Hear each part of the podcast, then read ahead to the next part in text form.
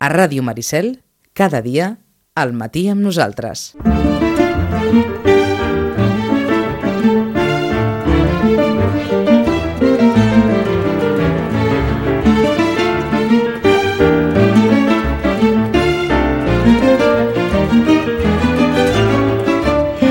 Deu i 36 minuts per tots aquells que, que vulguin demanar als Reis llibres, etc etc. Avui serà un dia d'aquells en, què, en què a la Rosana li demanarem no només novetats, recomanacions, etc etc. És el temps dels llibres.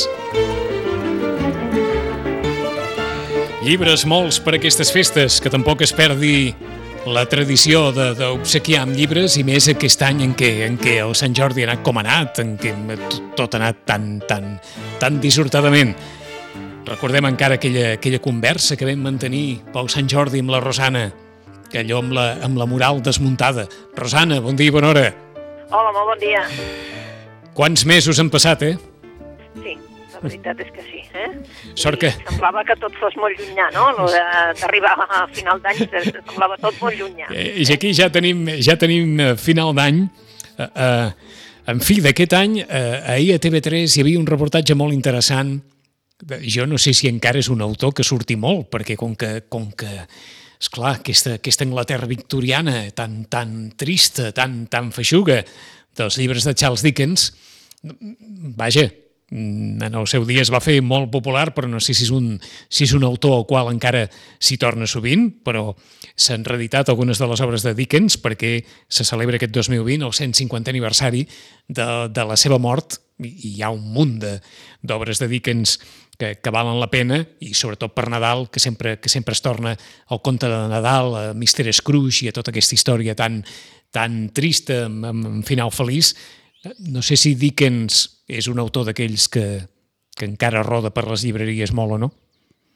Eh, doncs sí, suposo que sempre roda, no? Una miqueta sempre roda. El que passa que ja sap que els clàssics són els clàssics, però aquest any estem de sort, perquè com a mínim se n'han reeditat dues obres, eh? S'ha escrit, eh, sembla que ho fèiem l'altre dia, en parlàvem de la història de dues ciutats. Sí. Eh? De, de, ui, de la, la, la Maria, eh, la Maria Sales, és a dir, la... La traductora. La traductora eh, és la, exactament la filla, la filla del Joan Sales, eh, de l'editor, i ara la, la neta, diguéssim, que és la Maria Boigues, que és la que ho ha publicat i ha, pensat que era una bona pensada, que ho havia fet en, en capítols durant la pandèmia, havia anat posant eh, com a diguéssim capítols i ara els havia anat penjant i ara l'ha publicat. I després, un fenomen, el Club Pickwick, mm. un llibre que és molt, molt extens i que ara mateix tenim problemes perquè no hi ha existències. És a dir, no, no, no en tenim prous per vendre. Caram! Mm, caram, sí. Caram! Eh? Estan, també és veritat que deuen estar tots repartits, és a dir, que ara l'editorial està fent a veure com mans i mànigues per, per enviar llibres, perquè és un llibre que val 49 amb 50, és a dir, és un, un bon volum, sí. però sí que estem de sort que tant un com l'altre, eh, aquesta gran reivindicació que portem tu i jo de dir els clàssics, clàssics.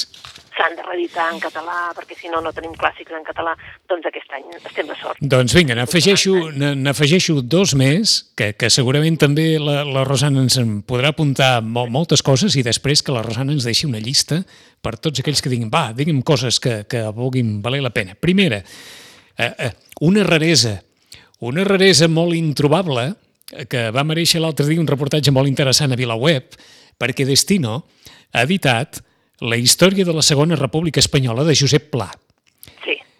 Aquest, aquest llibre, que té un punt allò de, de maleït, perquè li van encarregar, segons expliquen la, les cròniques, li encarregar Francesc Cambó a Josep Pla amb l'intenció directa de desacreditar la, la Segona República. I Pla en aquell moment va fer, doncs, en fi, va acceptar l'encàrrec i, i, i el 1940 es va publicar amb un encàrrec així amb una, mena de mentalitat de franc tirador, m'encarreguen i, i jo disparo. Es va publicar en castellà el 1940 i no es va reeditar mai. El propi Josep Pla tampoc va voler que aquesta obra fos incorporada en la seva obra completa. Per tant, arraconada pel, pel propi autor, però sembla, almenys diu aquesta publicació de VilaWeb, que el Mas Pla hi havia l'original en català d'aquesta història de la Segona República Espanyola. No era el, el, el complet, però sembla que, que hi havia molt. I Destino ha reeditat en català aquesta història de la Segona República Espanyola que el propi Josep Pla sembla que va tenir bastant arraconada. Sí. Quina història, sí, també, aquesta. Sí. Quina història, eh? Quina història, i jo crec que també serà un dels llibres de regal d'aquest Nadal. Eh? Per tots aquells que estan una mica, doncs bé, que diuen, bé, jo vull una cosa diferent, no? I quina història, també, mm, el recorregut d'aquest llibre, eh? I sí, oh, és, és un, una d'aquestes mm, apostes de l'editorial que jo crec que sortirà bé perquè és que... Bé, I, més, I més amb una figura tan controvertida, eh? Sí, sí, sí, però interessat amb el, mm, tothom, eh, tothom et coincideix una cosa, escrivia molt i molt bé. Oh, oh i tant. Eh? Vull dir que Eh, però és una figura molt controvertida, això oh, és cert, i vull dir que això sempre ho ha portat i, i, i ho portarà, vull dir, però, però sí que és cert que, que la gent quan, quan sempre volen llegir algú del pla, no? Allò que dius, bueno, doncs va, llegiré algú del pla. I aquesta vegada, doncs clar, això de la història de la Segona República, bueno, aquest llibre ha tingut un, bueno, és com, no? És com a dir, a veure, I, no compro, a veure què carai. A, a, està clar. I, I a tots aquells, en especial, que, que els agradi allò, l'adjectivació, que agafin el quadern gris i vinga. En aquesta edició tan bonica, en aquesta reedició tan bonica que s'ha fet, que l'agafin per on sigui, perquè, perquè és un llibre que, que, per, que s'ha d'anar molt a poc a poc a l'hora de llegir, però per descomptat que és aquell pla carregat d'adjectivació que, que sembla literalment que vagi dibuixant totes les escenes, totes les persones, tots els estats d'ànim, un, un per un. I una altra recomanació que, que vaig veure fa, fa quatre dies i aquesta per, per tota la gent amant de la literatura, de, de les arts, eh, ens sembla que és una, que és una gran recomanació i, i incloc aquí a, a la Rosana perquè, perquè s'ha editat o s'ha reeditat amb dos volums, són 2.800 pàgines. Ja sé per on te vas, eh? Ja saps per on vaig, eh? Sí. A mi m'ha cridat molt l'atenció aquesta reedició de les entrevistes que en el seu dia va fer la publicació de Paris Review, aquesta publicació, per, per els expliquem en, en quatre paraules, és una publicació quadrimestral que va néixer l'any 1953 a París, després es va traslladar a Nova York, però que és una, una revista destinada majoritàriament a, a la difusió del món de la, de la cultura, de, de l'art i sobretot de, del món de la, de la literatura. En aquests dos volums es recullen a la vora de 100 entrevistes fetes entre el 1953 i el 2012 hi ha des de Hemingway fins a Dinesen, Pasternak, Simenon, Borges, Kundera, Susan Sontag, Paul Auster, William Faulkner. He anat a petar la de William Faulkner i perquè se n'adonin... Mare de Déu, quin, quin escàndol que hi ha aquí fora. Perquè se n'adonin de, del registre. Eh? L'entrevistador li pregunta a Faulkner Hace unos instantes decía que no le gustan las entrevistas. I Faulkner, que va guanyar el Premi Nobel l'any 1949, li respon No me gustan porque tengo tendencia a reaccionar de forma agresiva a las preguntas personales. Si me preguntan sobre mi trabajo, siempre trato de responder. Pero si me preguntan sobre algo personal, puede que responda y puede que no. Y aunque dé una respuesta, si mañana me plantean la misma pregunta, podría ser que contestara algo distinto. Y a continuación le preguntan, y esta respuesta ya es lapidaria total. ¿Qué me puede contar entonces de su trabajo como escritor? Y William Faulkner responde, si yo no hubiera existido, alguien habría escrito mis novelas, y las de Hemingway, Dostoyevsky y todos los demás. La prueba es que hay al menos tres candidatos a la autoría de las obras de Shakespeare, pero lo importante es Hamlet y El sueño de una noche de verano, no quien las escribiera. La cuestión es que alguien lo hizo. El artista no es relevante. Lo único que cuenta es su creación. Porque ya no hay nada nuevo que decir. Shakespeare, Balzac y Homero escribieron las mismas historias y si hubieran vivido mil o dos mil años más, los editores no habrían necesitado nada nuevo de ellos. Això ho confessava William Faulkner l'any 1956 en aquesta revista i és una de les prop de 100 entrevistes que hi ha en aquesta edició que, que em sembla meravellosa, Rosana. Meravellosa meravellosa, meravellosa. A més a més, el paper, ja, com a llibre, no? El paper, la, la, com, clar, com que està fet en tapa dura perquè, perquè s'aguantin, perquè són dos, dos volums, etc. però com a llibre ja, ja és bonic, però a més a més és que qualsevol de les entrevistes és que tenen molt, molt, molt de suc, eh? Vull dir que, vull dir, aquesta, aquesta per exemple, del Faulner, que ja, eh? que era tot un personatge, ell, eh? tot un personatge, doncs ja és que disfrutes, o sigui, disfrutes en qualsevol de les entrevistes, disfrutes moltíssim, perquè jo crec que són entrevistes també molt ben fetes. Ahà.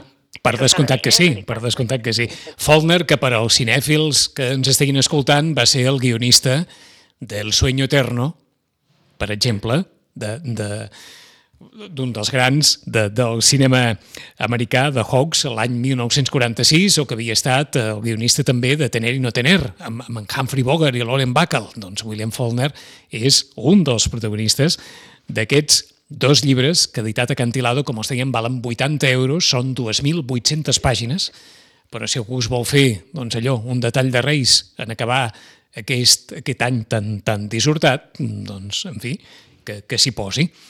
I ara la Rosana té un quart d'hora perquè tot allò que li surti del cap que digui mira, val la pena, val la pena, val la pena, Rosana, tot teu. Doncs mira, uh, ja que estaves parlant d'aquestes obres així, doncs uh, bé, uh, que, uh, que tant l'una com l'altra són llibres que no necessites allò, saps, allò com una novel·la, que si no perds el fil, aquí no penses pas cap fil, perquè són entrevistes, vull dir, te'n pots llegir una, mm -hmm. pots Mhm. llegir dos, i deixar-ho i tornar-hi i tal. Però a to, també ha sortit un llibre important, jo crec, que és uh, que el, el director de, de tots ells és el Borja de Riquer, que són vides catalanes que han fet història. Ahà. També serà un llibre d'aquests que és important, vale? per què? Pues perquè coneixerem tota una sèrie de, de personatges a través d'aquestes vides mm, i són personatges catalans que, doncs bé, que en aquest moment jo crec que també serà un dels llibres aquests de regal, eh? no val, evidentment, el que, el que val el, el llibre de Pérez Review, però val 28 euros només, però és un llibre d'allò que dius, bueno, per tota aquella gent que diu jo no vull novel·les, no em vull concentrar en una novel·la, Ah. vull algú diferent, doncs aquest també és un de, una de les propostes també, com tu deies, de la, de la història de la Segona República, l'han tret al mateix moment, tant la història de la Segona República del Josep Pla com aquest de les vides catalanes que han fet història del, Del bon. Del Borja de De Riquer, Riquer? dirigit pel Borja, Borja de Riquer. Eh? I jo crec que és un, també això, un regal de Nadal que et pots fer. Eh? Aquest, aquest llibre té, té títol d'aquells llibres de fa, vaja, anava a dir de la, de la transició democràtica, d'aquells llibres que compràvem per saber la història de Catalunya, els grans noms de Catalunya, etc etc.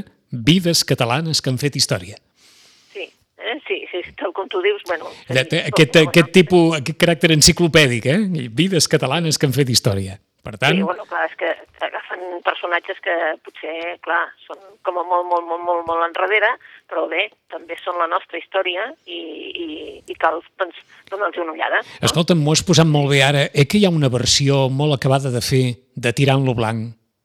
Ah, T'he posat molt d'això perquè és el regal que, vaja, que molta gent es farà perquè sí, és una versió actualitzada pel Màrius Serra. Ah, exacte. Eh?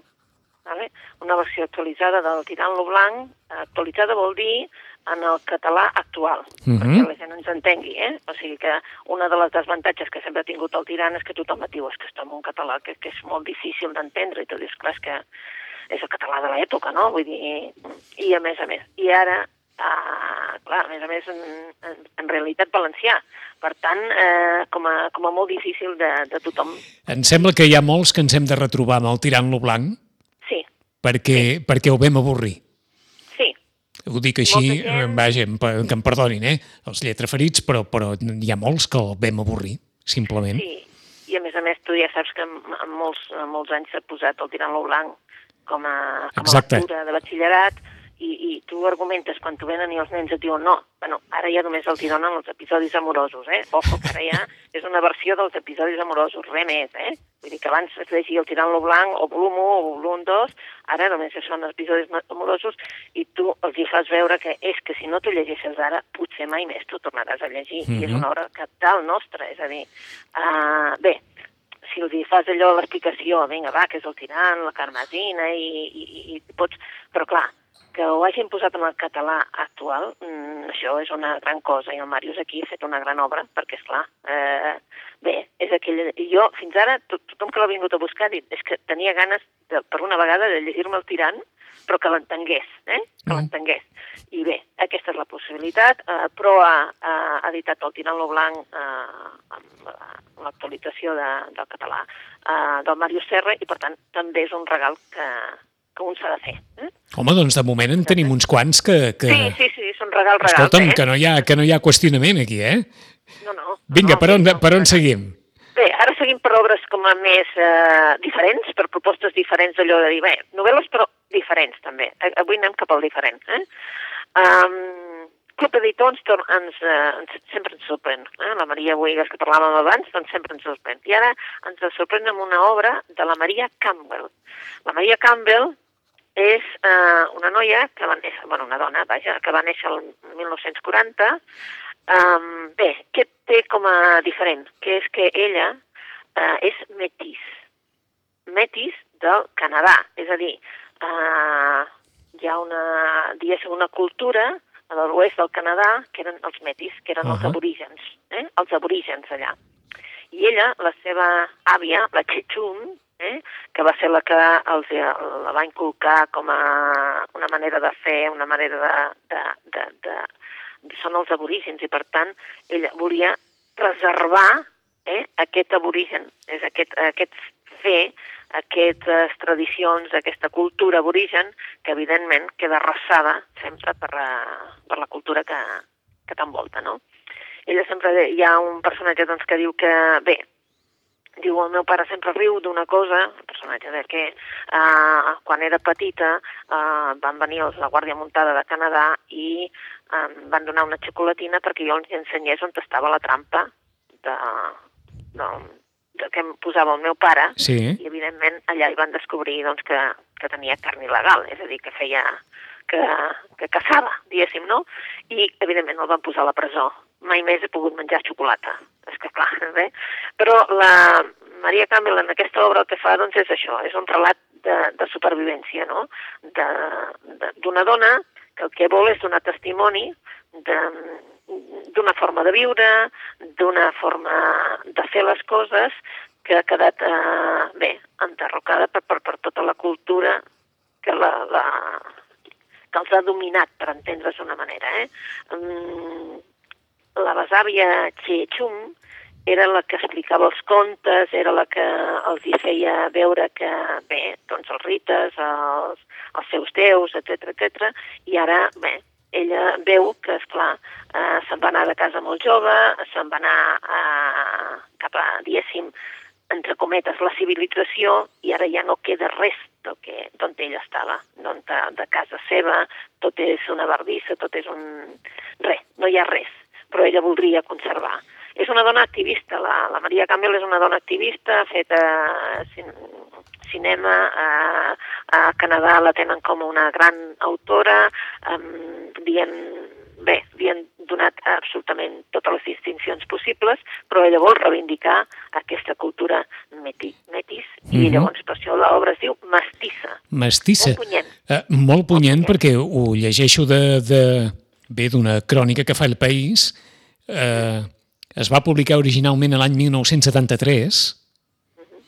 Ella té ara 82 anys i és una dona que, entre altres coses, eh, va sobreviure a la pobresa, a l'alcoholisme i a una violació amb 15 anys.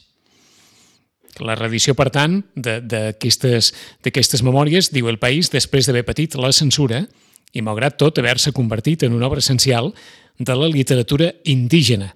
És el relat, diu l'autora, d'una víctima de la colonització que ara és una supervivent dedicada a la lluita pels drets del seu poble. Mestissa de Maria Campbell, déu nhi Sí, sí, perquè a més a més sempre és allò, no? Ho sabem, ho sabem, però fem veure que no ho veiem, eh, això. Mhm. I això cada vegada que hi ha... que passa, això passa moltíssim. I oblidem, oblidem que aquesta gent estan condemnades, doncs, a això, a l'alcoholisme, a les drogues, a tot, perquè és que els deixem sense res, no? Quan un poble colonitza l'altre. Però bé, ja hi estem acostumats amb aquestes coses i, i, i, i a vegades oblidem i hauríem de...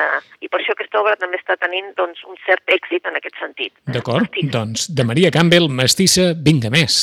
Vinga, més. Doncs eh, se n'anem amb un autor que és molt més conegut, l'Amin Malouf, que acaba de publicar una novel·la que es diu Uns germans inesperats.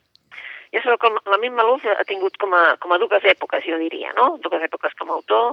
És un autor eh, del Líban, però ell va marxar del Líban. Va marxar jove del Líban, es va fincar a França i ara la Legió d'Honor de França té, bueno, té totes les condecoracions franceses que us pugueu imaginar, perquè és, els consideren un autor francès, almenys l'Acadèmia Francesa el considera un autor francès, però bé, ell, eh, les primeres novel·les que vam llegir d'ells van ser molt, molt conegudes, que era El lleó l'africà, La roca de Tànios, que eren novel·les situades allà, però eren novel·les. Eh?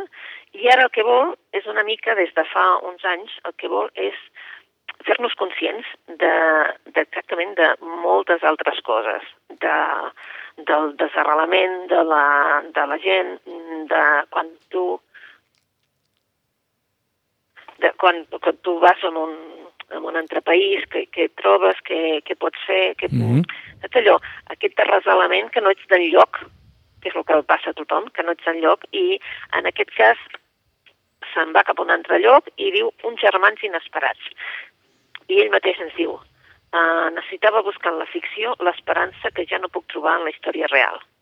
Així van néixer dins meu aquests germans inesperats, hereus fidels del miracle de l'antiga Grècia.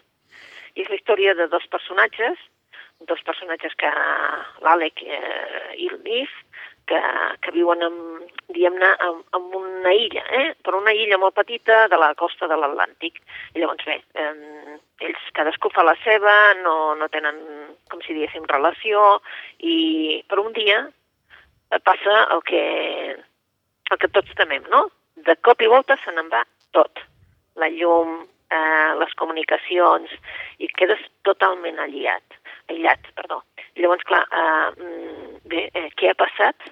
Ha passat el que ens pensem, aquell esclafit eh, mundial. Uh -huh. Els terroristes ens han deixat sense res, estem totalment aïllats, intenta posar-se en contacte amb una neboda que té París, vull dir, saps allò que fan les mil i unes, però està decidit l'Àlex a resoldre aquest misteri. I vol, com que té contactes, vol resoldre aquest misteri i llavors, en realitat, el que tracta l'autor és de dir-nos ei, això ens pot passar, s'ha d'evitar el desastre i la veritat és que hem d'estar alerta. Uns germans inesperats, de l'Amin Malouf. Ara m'ha fet eh, pensar en aquest, eh, en aquest serial per episodis, en, en vuit episodis que, que, que es pot veure en algunes plataformes, que, que l'han fet uns francesos, i que es diu El Colapso, que precisament eh, eh, es basa en, en la situació que viuríem l'endemà i els dies posteriors a això que acabes d'explicar, que d'alguna manera relata Amin Malouf i que posa sobre la taula. Què passaria ara si, si, si tot quedés aturat de, de cop i volta i no tinguéssim ni la capacitat ni la possibilitat de fer allò que fem a la nostra vida diària? Si d'alguna manera la pandèmia ja ho ha posat sobre la taula, imaginem-nos això corregit i, i augmentat, i sobretot la reflexió que n'hauria de sortir de, de tot plegat. D'Amin Malouf, uns germans inesperats, que ha estat la nostra darrera recomanació d'avui, a part de Mestissa de Maria Campbell, d'aquest tirant lo blanc adaptat per Mario Serra, de vides catalanes que han fet història de Borja de Riquell, també dels altres llibres que els hem recomanat. Rosana, bones festes, bona entrada d'any Moltes gràcies, molt bona lectura per tots aquests dies. i que el 2021 ens porti més o menys allò que hem perdut el 2020, allò de bo que hem perdut el 2020, eh? Exacte, que, que, que, com, que com a mínim ens portin una miqueta d'esperança. Eh? Esperem que sí, Rosana. Molt bona lectura i fins l'any que ve. Molt bona lectura. Adéu-siau. Adéu. Adéu.